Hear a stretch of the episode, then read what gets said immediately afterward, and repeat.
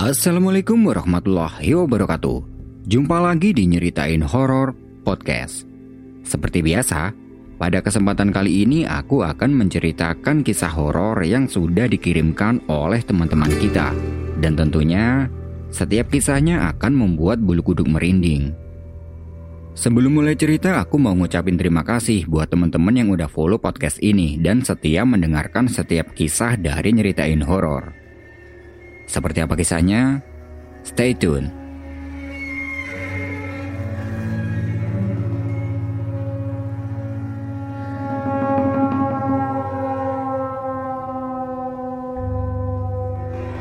Beberapa bulan yang lalu Ragil bersama sebuah komunitas pecinta alam di kotanya melakukan pendakian ke Gunung Sumbing. Dan di sana, dia bertemu dengan tiga orang asal Klaten Sebut saja mereka bertiga adalah Ilham, Satria, dan Hengki. Ragil berkenalan dengan mereka, dan ternyata tempat tinggal mereka ini tidak berjarak jauh dari rumahnya Ragil. Ragil dari Boyolali dan mereka bertiga dari Klaten. Di situ mereka bertukar nomor kontak untuk menjalin silaturahmi. Selain itu, nanti kalau ada waktu agar bisa mendaki bersama. Bisa dibilang Ragil ini masih awam dalam kegiatan pendakian. Tapi setelah ikut open trip ke Gunung Sumbing itu, dia kecanduan untuk mendaki gunung lagi. Beberapa bulan setelah pendakian ke Gunung Sumbing itu, dia dihubungi oleh Ilham dan menawarinya untuk pergi mendaki ke Gunung Lawu. Karena memang sudah kecanduan, tanpa banyak bertanya dia menerima tawaran dari Ilham. Di sisi lain, Ragil ini juga belum pernah mendaki ke Gunung Lawu, jadi kebetulan banget. Ragil mencari informasi di internet tentang Gunung Lawu, dan di situ dia menemukan sebuah artikel tentang mistisnya Gunung Lawu. Mengetahui itu, dia sedikit kendor, tapi dia berusaha untuk membulatkan tekadnya lagi. Singkat cerita, hari Selasa sore, Ragil berangkat dari rumah menuju ke Klaten untuk berkumpul dengan Ilham. Sesampai di tempat tujuan, ternyata di situ sudah ada orang-orang yang dulu dia temui di Gunung Sumbing, yaitu Satria, Hengki, Ilham, dan ada satu lagi, yaitu Ilyas. Kedatangan Ragil waktu itu disambut ramah oleh mereka berempat. Di situ mereka menyiapkan peralatan yang akan dibawa, setelah itu, mereka berbondong-bondong berangkat ke base camp Gunung Lawu via Candi Ceto. Dan sesampai di sana tepat pukul 7 malam. Di situ mereka langsung meminta izin pendakian. Ketika meminta izin, pihak pos menyarankan pada mereka agar mendakinya besok saja. Karena mengingat hari ini sudah malam. Mereka pun berencana untuk bermalam dulu di base camp. Setelah mendapat izin itu, mereka istirahat di dalam base camp untuk menunggu besok. Dan ketika sedang istirahat, Satria memberi usul. Eh, daripada bermalam di sini mending kita nyicil perjalanan aja. Nanti camp di pos 1 atau di pos 2 gitu. Usul Satria itu ada benarnya dan mereka semua setuju. Lalu, Ilham bilang ke petugas pos untuk memberitahukan kalau mereka akan mulai nanjak malam ini aja dan akan camp di pos 1 atau di pos 2. Petugas mengizinkan karena memang mereka ini bukan pertama kalinya mendaki via sini. Petugas memberi saran agar hati-hati di jalan. Mereka menggendong tas karirnya masing-masing dan bergerak menapaki jalur pendakian. Di awal-awal perjalanan, tepatnya ketika melewati area candi, Tiba-tiba, Ragil merasa ada hawa yang berbeda. Ketika berjalan itu, seketika suhu berubah menjadi hangat, tapi hanya sekejap. Ragil melihat ke berbagai arah. Dan di atas tandi samar-samar dia melihat ada orang yang sedang berdiri sambil membentangkan tangannya. Nggak tahu itu orang atau bukan karena tidak terlihat begitu jelas. Dari sini muncul perasaan tidak enak pada diri Ragil. Dan seketika itu, dia teringat dengan artikel yang sebelumnya dia baca tentang mistisnya Gunung Lawu. Tapi di sini Ragil berusaha berpikir positif saja. Mungkin yang dia lihat itu adalah pihak keamanan yang menjaga candi tersebut. Selangkah demi selangkah mereka berjalan dan sampailah di pos 1. Di sini mereka istirahat dan berunding. Gimana nih? Camp di sini aja atau gimana? Kayaknya kurang nyaman kalau di sini. Gimana kalau di pos 2 aja? Aku sih terserah. Gimana yang lain? Yang lain hanya ikut, begitupun dengan Ragil. Lagi pula, kondisi mereka di pos 1 itu belum begitu capek. Di pos satu itu mereka ngerokok-ngerokok dulu sambil ngobrol-ngobrol. Dan Ragil memberitahu pada yang lain tentang apa yang dilihatnya di candi tadi. Eh, kalian tadi lihat ada orang yang berdiri nggak di atas candi? Candi mana? Candi ketek? Gak tahu namanya, pokoknya candi yang kita lewati tadi. Gak tahu, emangnya ada orang? Iya, tadi aku lihat ada yang berdiri di atasnya sambil membentangkan tangan gitu. Udah biarin aja, kalau nggak orang paling juga penunggu tempat situ. Mendengar ucapan dari Satria itu, Ragil langsung merinding. Lalu Ilham lanjut bilang, Di Gunung Lawu emang udah biasa mas, jadi kalau lihat yang begituan lagi biarin aja dan jangan diganggu. Ragil mengangguk paham.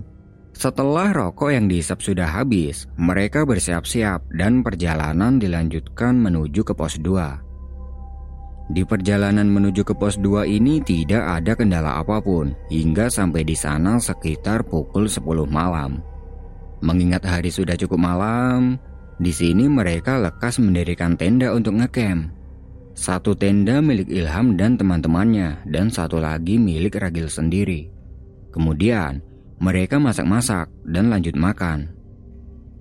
Malam itu suasana di pos 2 sangat dingin dan sepi setelah selesai makan, mereka ngopi-ngopi dulu di depan tenda sambil membuat api unggun kecil. Tidak lama kemudian, mereka memutuskan untuk segera tidur. Malam itu Ragil tidur di tendanya sendiri yang berkapasitas dua orang. Dan singkat cerita, pagi pun tiba. Setelah bangun mereka lekas menyalakan kompor untuk membuat minuman hangat dan sarapan. Setelah itu barang-barang dikemas dan lanjut perjalanan. Perjalanan menuju ke pos 2 ini tidak ada kendala apa pun. Pos demi pos mereka lewati dan sesekali istirahat hingga tidak terasa. Sampailah mereka di pos 5 bulak peperangan kurang lebih pukul 5 sore. Sampai di sini terlihat ada beberapa pendaki lain yang juga sedang camp dan mereka juga memutuskan untuk camp di sini dulu. Gimana mas jalurnya? Mantep nggak? Tanya Ilham pada Ragil. Wah lumayan mas, tapi seru juga sih. Jawab Ragil sambil mengatur nafas. Mereka menyapa para pendaki yang ada di pos 5. Kemudian, dua tenda mereka dirikan di dekat tenda-tenda pendaki lain. Semua alat masak mereka keluarkan untuk masak besar-besaran. Karena Waktu itu Ilham dan teman-temannya ini akan membuat soto. Oh iya, salah satu dari mereka yang bernama Hengki ini adalah juragan soto di Klaten. Maksudnya, dia ini punya usaha soto sendiri. Jadi waktu itu Hengki ini sudah siap dengan semua bahan-bahannya, tinggal dieksekusi. Setelah soto sudah matang, mereka makan dengan lahap dan lanjut nongkrong di depan tenda. Waktu sudah menunjukkan pukul 7 malam. Ketika sedang asik nongkrong di depan tenda, tiba-tiba ada sesuatu yang masuk ke dalam matanya Ragil. Dia kelilipan. Tidak lama kemudian, dia merasa pusing dan pandangannya menjadi buram. Merasakan semua itu, dia pamit pada Ilham dan yang lain untuk tidur lebih awal tanpa memberitahukan tentang apa yang dia rasakan. Tapi di dalam tenda dia tidak bisa tidur karena pusing di kepalanya. Aku ini kenapa ya? Kok bisa-bisanya aku pusing kayak gini? Ucapnya dalam hati. Setelah cukup lama di dalam tenda, suasana di luar tenda ini terdengar sangat sepi. Mungkin Ilham dan yang lain ini sudah pada tidur. Dan kondisi matanya Ragil masih terasa mengganjal, seperti penuh dengan pasir. Lalu, sayup-sayup terdengar ada suara.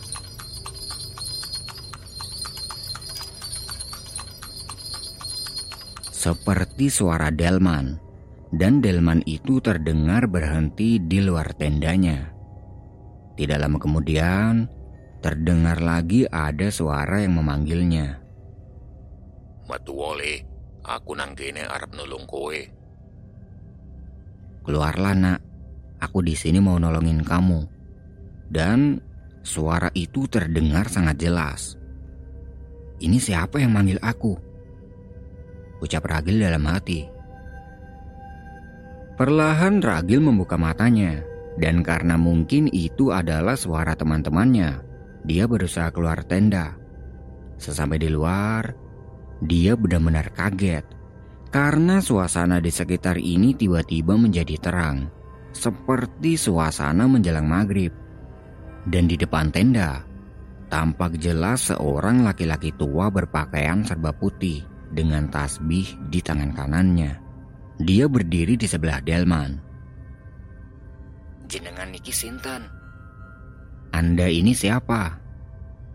Gak penting siapa aku. Aku di sini akan menolongmu. Memangnya saya kenapa? Kamu bisa melihat semuanya dan jiwamu dalam keadaan terancam. Ayo ikut sama aku. Jawab orang itu sambil mengulurkan tangannya ke arah Ragil. Ragil meraih tangan orang tua itu menaiki delman dan mereka menuju ke sebuah tempat. Di perjalanan, Ragil memperhatikan keadaan sekitar yang tampak remang-remang dan berkabut. Tidak lama kemudian, mereka melewati sebuah telaga yang airnya sangat jernih dan berwarna kebiru-biruan. Melihat itu Ragil bertanya, "Ini tempat apa, Mbah?" Ini adalah tempat Terus, nanti gimana saya kembalinya? Nanti aku antar kalau di alammu sudah terang. Ragil hanya menurut kata-kata orang tua itu. Setelah melewati telaga tadi, terlihat ada beberapa orang menyeramkan menghadang perjalanan mereka. Orang-orang itu ada yang jalannya ngesot, ada yang tangannya cuma satu, dan ada juga yang tinggi besar. Melihat itu Ragil takut. Lalu orang tua itu turun dari delman dan mendekati mereka. Kemudian orang tua itu mengangkat tangan kanannya sambil memegang tasbih dan menebaskan tasbihnya itu ke orang-orang yang menyeramkan tadi. Anehnya, setelah ditebas dengan tasbih itu mereka para makhluk yang menyeramkan tadi tiba-tiba lenyap menjadi asap. Orang tua itu kemudian kembali ke atas delman dan lanjut mengemudikan delmannya. Karena penasaran dengan orang-orang tadi, Ragil bertanya, Bah, mereka tadi siapa? Mereka sama seperti aku, mereka menginginkan jiwamu. Jawab orang itu. Mendengar itu Ragil tersentak. Memangnya apa yang sedang terjadi sama aku? pikirnya. Tidak lama kemudian sampailah mereka di sebuah tempat semacam taman. Di sana, banyak orang-orang yang sedang berkumpul. Kakek itu menghentikan delmannya di taman tersebut dan mengajak Ragil untuk turun. Sementara alammu masih gelap, kamu di sini dulu sama aku. Ini tempat apa, Mbak? Ini adalah taman istana. Istana? Di mana istananya? Ini hanya tamannya. Ragil ikut berjalan bersama orang tua itu menyusuri taman. Dan orang-orang yang ada di sini sepertinya menghormati orang tua itu. Satu persatu dari mereka berdatangan untuk mencium tangan orang tua itu. Kalau dilihat-lihat, kayaknya orang ini orang yang terhormat. Pikir Ragil. Orang itu kemudian mengajak Ragil untuk duduk di sebuah kursi panjang. Dan ketika sedang duduk, Ragil terpesona melihat kursi tersebut. Karena kursinya ini terbuat dari emas, begitu juga dengan kursi-kursi yang lainnya. Karena masih penasaran dengan orang itu, Ragil bertanya lagi. Bah, panjenengan ini sebenarnya siapa? Orang tua itu melihat ke arah Ragil sambil tersenyum kecil. Lalu, beliau memegang pundaknya Ragil sambil berkata, Gak penting siapa aku. Yang penting sekarang kamu aman bersama aku. Ragil hanya mengangguk. Lalu, ada seorang laki-laki berpakaian serba putih juga mendatangi mereka dan memberikan makanan berupa buah-buahan. Tapi, orang tua itu menolak dengan ramah dan orang itu membawa makanannya lagi. Ragil yang masih merasa takjub dengan suasana tempat ini melihat ke berbagai penjuru arah. Terlihat, tempat ini sangat damai dan tentram. Tidak terdengar bising sama sekali udaranya juga sangat sejuk. Tidak lama kemudian, orang itu bilang pada Ragil, Sudah waktunya, kamu akan aku antar kembali. Ragil berjalan mengikuti kakek itu menuju ke Delman dan menaikinya menuju ke tempat awal. Sesampainya di tempat awal, orang itu turun disusul oleh Ragil. Setelah itu beliau berkata, apa yang kamu lihat tadi adalah alam gaib yang tidak bisa dilihat dengan kasat mata. Karena sekarang mata batinmu terbuka, jadi kamu bisa melihat semuanya. Sekarang ucapkan bismillah dan tutup matamu. Ragil menuruti ucapan orang itu. Dia memejamkan mata. Kemudian, terasa jelas tangan orang itu mengusap kening hingga ke dagunya Ragil. Setelah itu beliau mengucapkan kata-kata terakhir. Sekarang bukalah matamu. Wassalamualaikum. Pelan-pelan Ragil membuka mata dan dia benar-benar heran. Karena tempat ini tiba-tiba menjadi gelap. Suhu terasa sangat dingin dan orang tua yang tadi bersamanya itu juga tiba-tiba hilang. Jadi bisa dibilang Mungkin orang tua itu telah menutup mata batinnya Ragil. Bah? Bah? Ucap Ragil memanggil orang itu, tapi tidak ada jawaban. Ke mana perginya orang tadi? Kok cepat banget? Batinnya. Karena memang tidak ada, dia masuk ke dalam tenda. Sambil rebahan, dia mengambil HP yang ada di dalam tas untuk melihat jam. Dan waktu itu sudah menunjukkan pukul 4 dini hari.